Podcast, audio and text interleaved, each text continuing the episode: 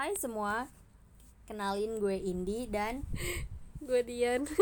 Kembali lagi di Indian Podcast. Widih. Podcast yang menceritakan, kenapa lu Widi, gue lagi opening. Podcast yang menceritakan tentang keresahan kita atau keluh, keluh kesah kita sehari-hari. Jadi buat kalian yang punya keresahan yang sama, selamat mendengarkan. Kali ini kita mau ngebahas tentang strict parent.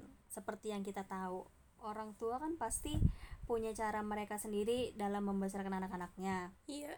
Entah ada yang pakai metode eh pakai didikan keras tegas atau otoriter. Ada juga yang serba membebaskan anak-anaknya. Santai. Heeh. berhubung kita lagi bahas strict parents Heeh. lo ada nggak tuh eh, aturan atau rules di di keluarga lu yang mikir kalau kayaknya orang tua gue nih strict parents deh. Wih banyak. Wow apa itu? Apa aja banyak? Ya yang gue alamin itu strict parents di keluarga gue yang gue alamin pribadi ya. Kita tuh anak-anak kayak serba dibatasin nggak boleh main.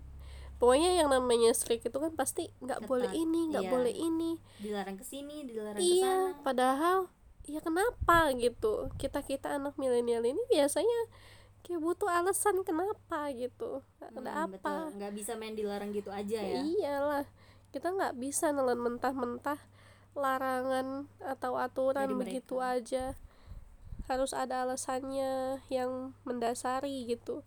Yang bisa ngeyakinin yang bisa bikin gua tuh bener-bener percaya oh nggak boleh karena ini. Dan masuk di akal gua kalau cuma sekedar dilarang-larang tanpa alasan apalagi tanpa solusi. Itu bete banget sih. Dan makanya banyak dari mereka mereka ini yang kayak akhirnya kan tertekan stres. Oh so pasti kalau itu. Termasuk gua. Padahal kan didikan dasar kayak gini gue yakin lu setuju sama gue kalau ini kurang bagus kan buat anak-anak. Karena banyak yang ketika udah gede cenderung takut sama eh, sama apa yang dilakuin. Jadi iya. kalau misalkan dia ngelakuin satu hal dia tuh ngelakuinnya bukan karena kemauan dia sendiri tapi karena suruhan dari orang lain suruhan eh suruhan dari orang tuanya sorry. Dan menurut gue ya orang-orang yang orang tua yang strict parents itu menghasilkan anak yang sorry orang tua yang strict parents. Eh orang tua yang pokoknya orang-orang tua yang strict kayak gitu pemikirannya itu menghasilkan anak-anak yang jadinya bukan menghargai atau Hmm. menghormati mereka tapi lebih ketakut iya. Harusnya kan kita respect ya sama orang tua tuh. Heeh, harusnya kita respect tapi ya bukan respect. Sebenarnya kita tuh nggak respect. Malah yang ada males. Malah timbulnya kalau gue pribadi males terpaksa. Karena kita nggak suka sama aturan-aturan yang mereka buat sama aturan-aturan yang mereka ciptakan gitu loh jadi bukan respect tapi lebih ke takut aja yang sebenarnya. Yang masih sampai lo ingat sampai sekarang nih aturan apa yang menurut lo nggak kayak masuk akal gitu? Yang nggak masuk akal. Yang diterapin sama orang tua? Misal gua nggak boleh main malam. Kenapa? Oh, sampai sekarang. Padahal ya kalau menurut gua ya udah sih gue main-main aja asal dikasih waktu. Misalkan batasnya sampai jam berapa itu lebih menurut gue lebih bagus lebih mending lah daripada dilarang. Dilarang alasannya apa? Please zaman sekarang itu nggak kayak zamannya dulu. beliau dulu gitu. Yang entah mungkin remajanya beliau lampu. itu iya tahun 80-an kali ya yang belum ada lampu yang jalanannya aja masih Hmm. sepi rumahnya yang masih jarang. Iya terus eh gimana ya? apa bukan hutan apa ya? Jarang kendaraan. Oh iya jarang banyak tukang dagang. Sekarang tukang dagang banyak di pinggir jalan. Kendaraan lalu lalang banyak. Orang yang cewek cowok yang keluar juga ya banyak. Istilahnya kalau gua keluar gua nggak sendirian. Dan gue juga bukan yang main di hutan.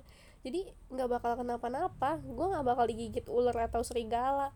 Jadi apa yang ditakutin? Kalau gue bakal nakal bakal tanda kutip ya misal nakal sama cowok misal. Itu mah kayaknya maksud gue apa ya? Menurut gue tergantung kitanya nggak sih gitu? Punya balik lagi tergantung enggak kitanya gitu ya? punya kendali atau enggak kitanya emang nakal apa enggak Iya. tergantung prinsip dari si anaknya sendiri. Kalau menurut gue sih kayaknya orang tua yang begitu tidak mengenali karakter anak-anaknya atau Iya. memang tidak mau mengenali. Dua itu tadi sih kayaknya perpaduan antara dua itu Iya. memang mematikan. Iya. Udah nggak mau eh udah nggak bisa nggak mau. Apa kebalik ya gue ya pokoknya itu. Udah nggak kenal nggak mau mengenali. Iya jadi kayak ya udah Ya udah selamanya weh, kayak gitu. Gimana kata dia jadinya? Padahal belum tentu anak itu selalu salah. Dan lagi zaman sekarang itu nggak kayak zamannya mereka dulu yang apa ya cewek cowok tuh kan zaman dulu beda ya cara kedudukan. Zaman sekarang cewek cowok tuh sama. Gue nggak nggak mau tuh gue nggak terima kalau dibeda-bedain misal abang gue abang gue kan nggak apa-apa main malam bahkan sampai nginep sering di rumah temennya.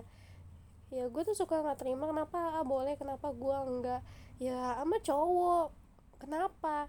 Emang cowok nggak takut kenapa-napa? Kalau emang mau ada bahaya amit-amit ya misal ada orang jahat atau apa tetap bisa aja gitu. Tapi yang mereka takutin tuh lebih ke ya kalau cowok kan nggak bisa hamil. Ya terus emang gue mau menghamili diri gue gitu dengan melakukan hal-hal yang enggak-enggak. Yang nggak gitu padahal ya. Balik lagi tergantung guanya tergantung kitanya itu mah.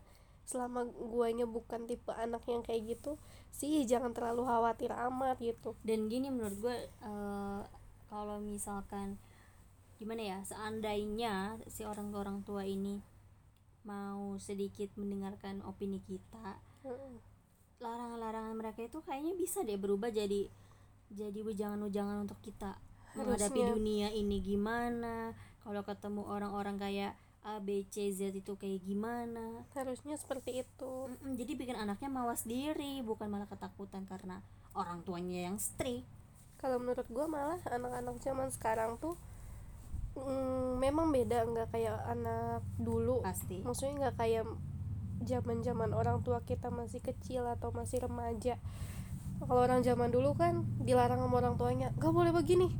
Nurut gitu kan. Mungkin dia juga maunya di saat mereka ngelarang gak boleh begini. Ya anaknya nurut padahal kan zamannya aja udah berbeda gitu Hmm. kan. Anak-anak zaman sekarang tuh menurut gue lebih ke nggak butuh larang-larangan tapi kita tuh lebih butuhnya ke arahan bimbingan wejangan kasih tahu lah gitu kalau memang kita mulai belok atau kita kesandung kalau memang dia maunya jalan kita lurus gitu loh. Dan selagi kita masih lurus-lurus aja Hmm. kenapa harus dikasih warning warning warning yang itu bikin kuping tuh rasanya berisik gitu kayak ibaratnya gini. Kalau gue nggak sejalan aja sih gue nggak masuk sama strict parent sebenarnya. Cuman karena memang kebetulan orang tua gue juga yang begitu jadi ya mau nggak mau tapi harus adaptasi. harus adaptasi. Tapi jujur eh buat temen-temen juga yang mungkin sama gitu. Saya punya orang tua yang lumayan kolot pemikirannya sudut pandangnya prinsipnya pola pikirnya. Ya. Ya itu cukup dijadiin pembelajaran aja gitu. Besok kalau punya anak janganlah kayak gitu. Betul setuju. Karena Soalnya- kasihan anak kita ya. Iya. Kita kan udah ngeliat nih kalau anak yang punya strict parents rata-rata yang kayak gitulah. Eh. jadi kayak kalau sampai anak gue harus mengalami apa yang gue la- la- alami dari kecil tuh kan kayak apa bedanya gue sama orang tua gue dulu? Iya. Melimpahkan apa yang Iya. pernah dialami di masa lalunya ke anak. Ya intinya mah ngedidiknya harus mengikuti zamannya si anak-anak inilah gitu Betul. dan eh, gua pernah nemuin kata-katanya gini di TikTok ya itu jadi video eh, video musik gitu biasa tapi ada kata-katanya. Pokoknya eh, strict parents itu menghasilkan anak yang pandai berbohong. Dan itu gue percaya Oh. banget. Kenapa? Emang iya? Oh iya itu berlaku Belum di baca gua. lagi dari. Iya, terjadi di gua. Enggak itu artikel. TikTok? Oh tiktok sorry. Gua gua umur 23 tahun. Maksudnya di umur gua segini gua ngerasa gua sangat-sangat pengen banyak pengen taunya gitu loh. Pengen tahu ini pengen tahu itu. Hmm. pokoknya gua apa ya banyak cari tahu banyak penasaran ba- akan banyak hal gitu ya? Iya banyak cari tahu banyak cari pengalaman. Akhirnya karena dilarang-larang gue tetap ngelakuin apa yang mereka larang tanpa sepengetahuan mereka. Jadi gini gua dibesarkan sama orang tua yang strict strict enggak enggak karena kenapa strict strict enggak enggak karena guanya ngeberontak. Kalau gue yang model kayak ada tuh tetangga gue yang kalau orang tuanya nyuruh A ya manggut. Nyuruh B ngomong B Iya, gitu ya manggut. kenapa kita nggak bisa begitu ya? Gue nggak bisa karena bedanya gini kalau lu bisa speak up lu bisa berani ngelawan lah istilahnya ke orang tua kalau gue nggak gue di depan mereka nurut tapi tanpa sepengetahuan mereka. Sebenarnya gue ngelakuin apa yang mereka larang itu. Tau nggak kenapa gitu. lu bisa dan gue nggak kalau menurut gue kenapa tuh? Karena gue dari kecil nggak deket sama mereka nggak diurus sama mereka. Hmm, jadi mungkin ada satu rasa kesal yang akhirnya ke bawah sampai gede tuh. Mm-mm. jadi kalau lu kan mungkin pengen pengen jangan kan nggak berontak pengen speak up aja takut karena kecilnya mungkin sama mereka di di ya, ya gitu Enggak sih, kalau bonding. lebih takut ke efeknya aja. Gue nggak peduli gue kecil gue emang dari kecil sama dia gitu. Bukan tapi mereka percaya ya. sama gua rasanya beda. Hmm, anak yang dari kecil memang diurus sama orang tuanya gedenya akan seperti apa dan kayak gua anak yang setengah-setengah. Mm-mm. berapa belas ya 11 ya. Mau 12 tahun gue sama nenek gua akhirnya beliau nggak ada. Jadi ketika gua harus tidur sama nyokap ngomong sama nyokap itu tuh gue ngerasa ada yang ada yang bukan nggak nyaman ya. Nggak biasa aja rasanya. Kok gua nggak nggak segitu diurusnya sama mereka waktu kecil? Mereka selalu eh, apa happy happy sama gengnya. Gua sama di rumah. sendiri. Iya, gue di rumah sama nenek gua. Ah, bahkan adek gue juga bondingnya lebih ke nenek nenek gua ketimbang mereka berdua. Akhirnya ketika eh adek gue jadi apa ya? Udah nggak ada gitu, udah pulang duluan, berpulang duluan. Emak gua yang nyesel. Karena itu belum dia bilangnya belum puas ngurusin ng- ngurusinnya gue itu dulu nggak sebenarnya ya nggak begitu direstuin sama Adwi iya karena nyokap gue kan memang nggak tahu ya Adwi itu gimana. Karena kan dia bukan di lingkungan kita yang kelihatan by kan. the way Dwi itu pona- apa tunangannya Indri. Sorry lu mau ngomong ponakan ya? Iya. anjay astagfirullahaladzim. Enggak tunangan tunangan gue dibilang ponakan. Iya jadi eh, mungkin dia udah terkontaminasi sama omongan di luar sana yang bilang Dwi begini begini begini sampai akhirnya dia ngomong dari yang nggak pernah ngomong langsung akhirnya ngomong langsung ketika gue udah putus yang setahun. Kan gue putus dua kali ya sama Dwi. Yang pertama tujuh bulan kemudian putus lagi sela- setelah eh selama setahun. Nah pas balikan itu emang lo balikan lagi sama dia? Dia nanya gitu dan dia bilang nggak usah lah ngapain? Gitu. Dan gue kan ngerasa yang oh nyokap gue ternyata nggak nggak pernah luluh sama Dwi sebenarnya. Tapi ya gue tam tabrak aja tembok itu. Gue ngerasanya gue yang ngejalanin dan kalaupun ya Allah semoga nggak salah kalaupun pada akhirnya pilihan gue salah itu karena kemauan gue sendiri. Karena Iya. betapa menjengkelkannya ketika eh, seseorang menyarankan kita akan satu hal lebih tepatnya memaksa kali memaksa kita. Lu jodoh eh, pacaran sama dia aja terus nikah terus maaf kenapa-napa emang orang tua kita bisa apa bakal tanggung jawab atas Iya, pasti. ketidaksenangan kita pasti cuman sedih cuman ah yaudah deh cerai aja cuma bisa meratapi ini cuma bisa meratapi tapi kan ke depannya bagaimana lu atau bahkan nasib anak-anak lu itu kan lu yang nanggung lu yang ngerasain gitu Betul. kan bukan si orang tua ini oh gue pernah waktu itu kayak itu awal-awal kuliah deh. Kupu-kupu kan gue kan gak ikut nggak ikut organisasi. Terus kerjaannya cuman pulang kuliah makan nongkrong pulang malam. Iya. Tapi itu bukan pas awal banget itu pas udah bawa motor. Karena waktu zamannya ngangkot gue masih takut pulang malam. Karena kan angkot di daerah rumah kita kan rada rada nyebelin kan abang-abangnya. Terus setiap pulang malam sekali dua kali aman tiga kali aman. Mungkin saking seringnya pulang malam akhirnya ditegur dan dibilang kamu sih ngapain aja di kampus tuh sampai pulangnya malam terus? Ya gue jawab aja gue bilang ya kan eh, kuliah kan bukan cuma kita dengerin dosen kita presentasi tapi kita juga butuh link butuh cari temen butuh ngejalin relasi sama temen Iya. relasi. Karena kita nggak akan pernah tahu teman kita bisa ngebawa ngebawa kita ke mana di masa depan. Iya. Makanya siapa yang bisa bantu kita di masa depan mm-mm. kalau kita cuma kuliah pulang. Kuliah pulang kuliah pulang. Istilahnya nggak punya relasi gitu kan. Betul. Terus kita ke depan gimana setelah lulus?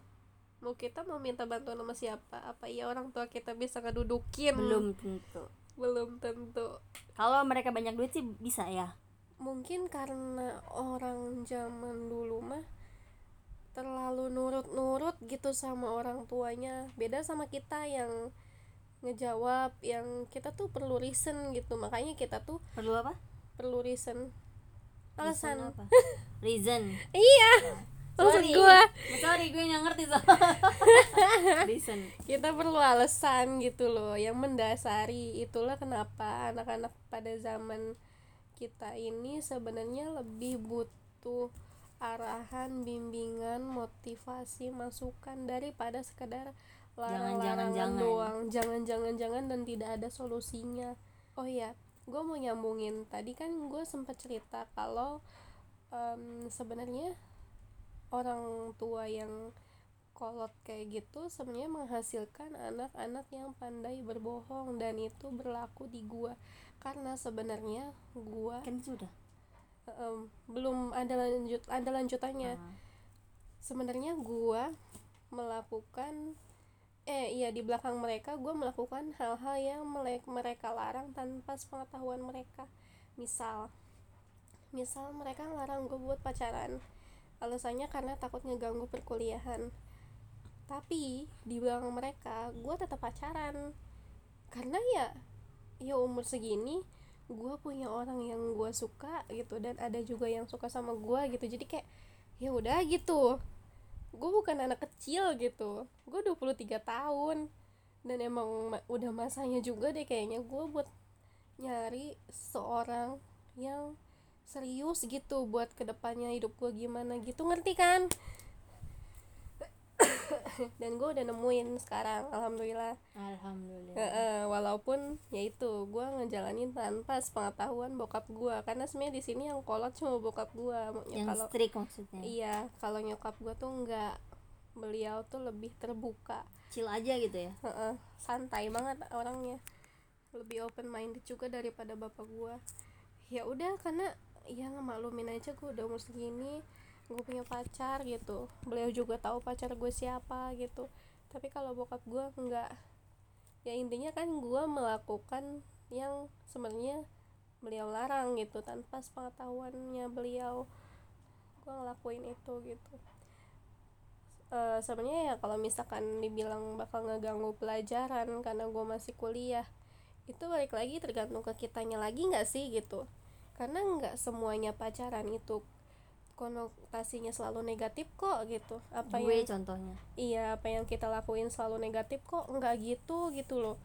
Gue nggak ngerti kenapa orang tua gue bisa menciptakan peraturan seperti itu larangan seperti itu gitu. Karena ya kalau dipikir-pikir pas eh, kenapa kan tadi kita bilang tertekan ya Iya. anak-anak yang punya strict parent ini Iya. karena gue baru baru ngeh nih mereka pasti eh, si orang tua ini menerapkan standar yang tinggi. Entah peraturannya yang ketat entah aturannya yang banyak ya nggak sih? Iya. Jadi kayak ya emang gak heran anak-anak yang kayak gitu memang pasti nggak enak banget di posisi mereka. Banget. Sangat sangat sangat tidak enak. nangis. Sabar. Enggak, gue nggak nangis emang gue lagi pilek nih. Toh dilarang gue, dilarang juga tidak menj- tidak menjamin 100% efektif ke si anaknya ini bahwa si anaknya bakal nurutin gitu apa yang mereka larang. Nggak menjamin. Buktinya gua atau bahkan mungkin banyak teman-teman di luar sana juga yang dilarang-larang tapi tetap dilakuin kok.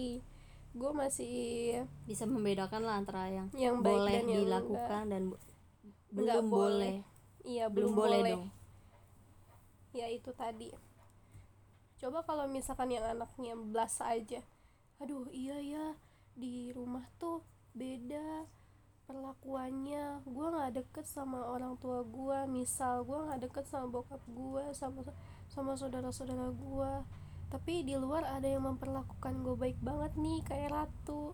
Ada yang memperlakukan gue baik banget nih lebih baik daripada keluarga gue dan akhirnya? akhirnya dia jadi apa ya terlalu bucin dan bisa aja disalah gunakan sama si laki-laki ini gitu Oh, loh iya. ngerti kan?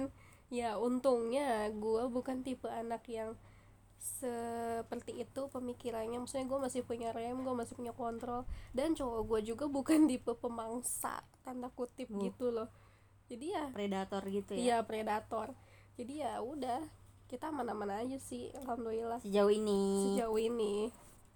Maksudnya nggak sampai eh, melakukan hal-hal yang mereka takutin itu. Gue baru inget deh apa? Eh, kan ngomongin pacaran ya? Iya. Lu bilang tadi jangankan pacaran Heeh. main aja kadang masih ada jangan-jangannya iya. Gue jadi inget cerita lu yang lu lagi eh, di luar. Iya. Kayaknya dari pagi deh apa dari siang gitu. Sampai mau maghrib belum pulang siang. Apa sampai sore? Eh sampai asar gitu. Oh jadi itu gua keluarnya tuh sekitar jam 3an Lah. jam 3 jam 4an lah. So eh itu mah barusan lah. Iya dan jam 5 gua udah diteleponin coba lu suruh bayangin pulang. Ya maksudnya lu kan nggak tahu ya gue di luar lagi ngapain. Ya. Entah lagi makan entah lagi ngobrol sama temen. Masa udah disuruh pulang kasihlah gue pulang habis maghrib kayak gitu setengah tujuh atau jam tujuan misalnya. Karena nggak enak banget pasti ketika lo lagi di jalan pulang terus lo diteleponin gitu. Mending kalau di jalan pulang. Apa? Kalau misalkan kita posisinya masih lagi sama temen gue pernah lu gini. Enggak itu maksud gua ketika lo lagi sama teman udah Mm-mm. diteleponin. Iya. Akhirnya kan lo pulang nih. Iya. Nah pas di jalan itu masih diteleponin. Iya. kalau gue sih panik. Itu kayak bikin gregetan sih. Iya kayak nggak nggak bisa ya nunggu gue pulang dulu nih. Dan bapak gue pernah bilang gini bisa bisanya gitu dia bilang begini. Jadi gue kan nggak bisa naik motor kan belum bisa naik motor nih sampai sekarang gitu. Gue main ke desa sebelah tuh yang deket lah deket, gitu ya. deket laut sana ya kan? Ya emang nyoren aja sih. Sama teman-teman SMP berempat dan itu cewek semua gue juga gue sebutin si ini anak ini si ini anak ini si ini anak ini. Ya perginya juga orang tua gue tahu gitu. Karena gue juga disampra bukan yang keluar sendiri gitu. Akhirnya gue maghrib belum pulang. Karena kita mampir dulu, dulu di salah satu rumah temen. Oh, rumah temen. Namanya si Casey waktu itu kita mampir dulu tuh di situ. Terus sama mamanya nggak boleh pulang dong. Nanti aja nih pulangnya habis Hmm, maghrib gitu. Iya. karena orang tua mana yang ngebiarin temen-temen Anaknya. anaknya. apalagi itu perempuan semua keluar atau Pulang. pulang, maghrib maghrib pasti tahan dulu dong gitu kan. Nggak boleh pulang maghrib. Eh gua sampai rumah diomelin. Dibilang lu maghrib ke mana? Gue jawab di rumah temen. Maghrib di rumah orang katanya harusnya tuh maghrib tuh udah pulang katanya gitu. Terus gue jawab gue mau pulang sama siapa? Gue kan nggak bisa bawa motor ya. Orang temen-temen nok aja masih pada di sono kata Iya. gue gitu. Ya biarin aja temen-temen lu di sono. Lu pulang katanya. Gimana? Mohon maaf ya. Ngengsot kali gue gimana? Ngengsot kali gue astaga gue mikir keras tuh di situ. Akhirnya nggak gue ladenin. Ya gue anggap orang gila aja. Orang gue gak bisa bawa motor kok gue suruh pulang duluan bisa bisanya gitu teman-teman gue yang lain masih pada di sana. Kan nggak enak banget sedangkan gue aja perginya dijemput kok. Tiba-tiba gue pulang duluan. Dan pastinya lu udah misalkan posisi posisikan diri lu gini. Lu punya temen lagi asik-asik main nih lagi asik-asik ngobrol gitu. Tiba-tiba eh, dia ngajakin pulang ngajakin pulang pasti bete dong gitu. Banget. Nah gue juga nggak mau kayak gitu. Jengkel sih gue mah. Dan- lebih dari bete ya? iya. Jengkel. Lah jengkel. Nah gue tuh sering sering jadi anak yang bikin jengkel temen-temen gue kayak gitu. Karena ya gue juga dije- dibikin jengkel sama orang tua sendiri gitu. Hmm. yang gue baru keluar gue baru main baru sore sedikit aja gue udah disuruhin pulang lagi padahal lagi asik-asiknya tuh ngobrol gitu lagi asik-asiknya bercanda lagi asik-asiknya ketawa-ketawa. Tiba-tiba gue diteleponin akhirnya ya gue pengen pulang dong gue bilang sama teman-teman gue pulang yuk pulang yuk pulang yuk. Itu kan ngebetein banget gitu. Gue pasti gue tahu rasanya pasti ngebetein banget buat teman-teman gue tapi kenapa orang tua gue tidak mau mengerti dan tidak pernah mau mikir sampai ke sana gitu? Kalau tadi pokoknya kan nggak mau tahu aja tak mau tahunya tuh pokoknya anakku pulang udah sore pulang maghrib harus sudah ada di rumah gitu. Itu kan orang tua zaman dulu banget ya. Hmm. kalau tadi kan itu cerita tentang elu sama temen lu. Iya. Ada nggak tuh lu yang sama pacar lu? Oh sering. Apa itu?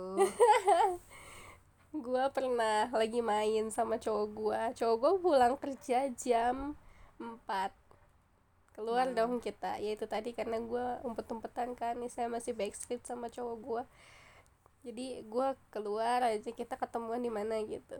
Oke terus kita main ke rumah salah satu temennya cowok gua. Ke situ.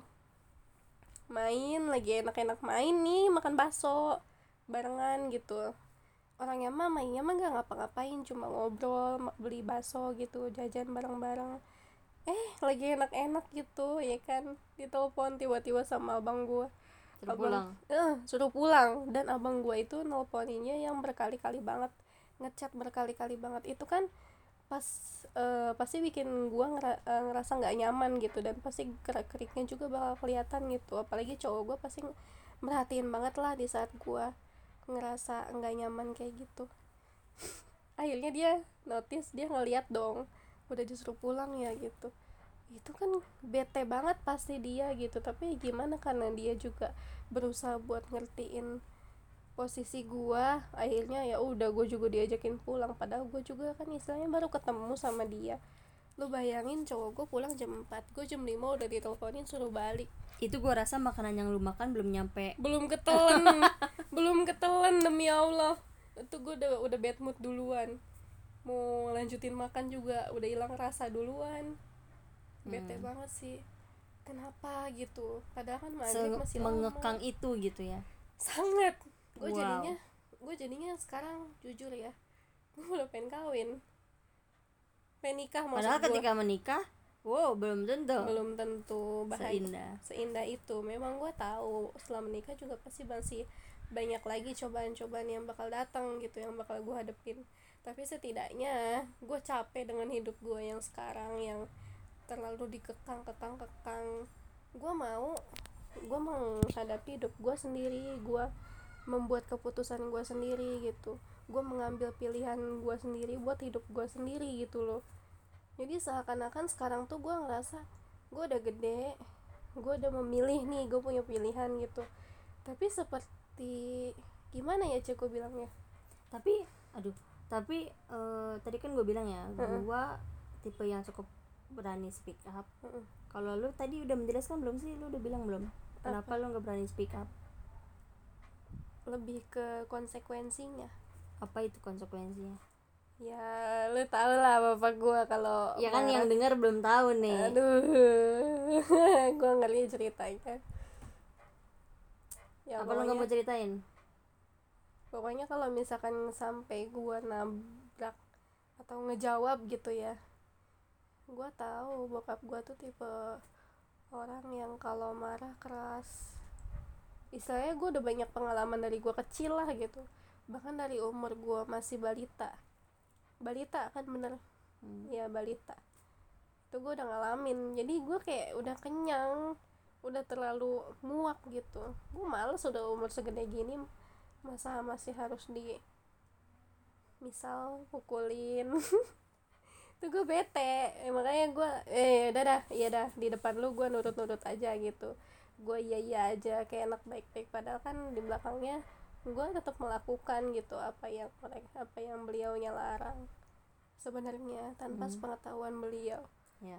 Itulah sebabnya gue bilang ya beliaunya justru menghasilkan anak yang pandai pandai sekali berbohong. Pasti macam-macam sih ada yang pandai berbohong ada yang berani apa eh kayak gue gitu.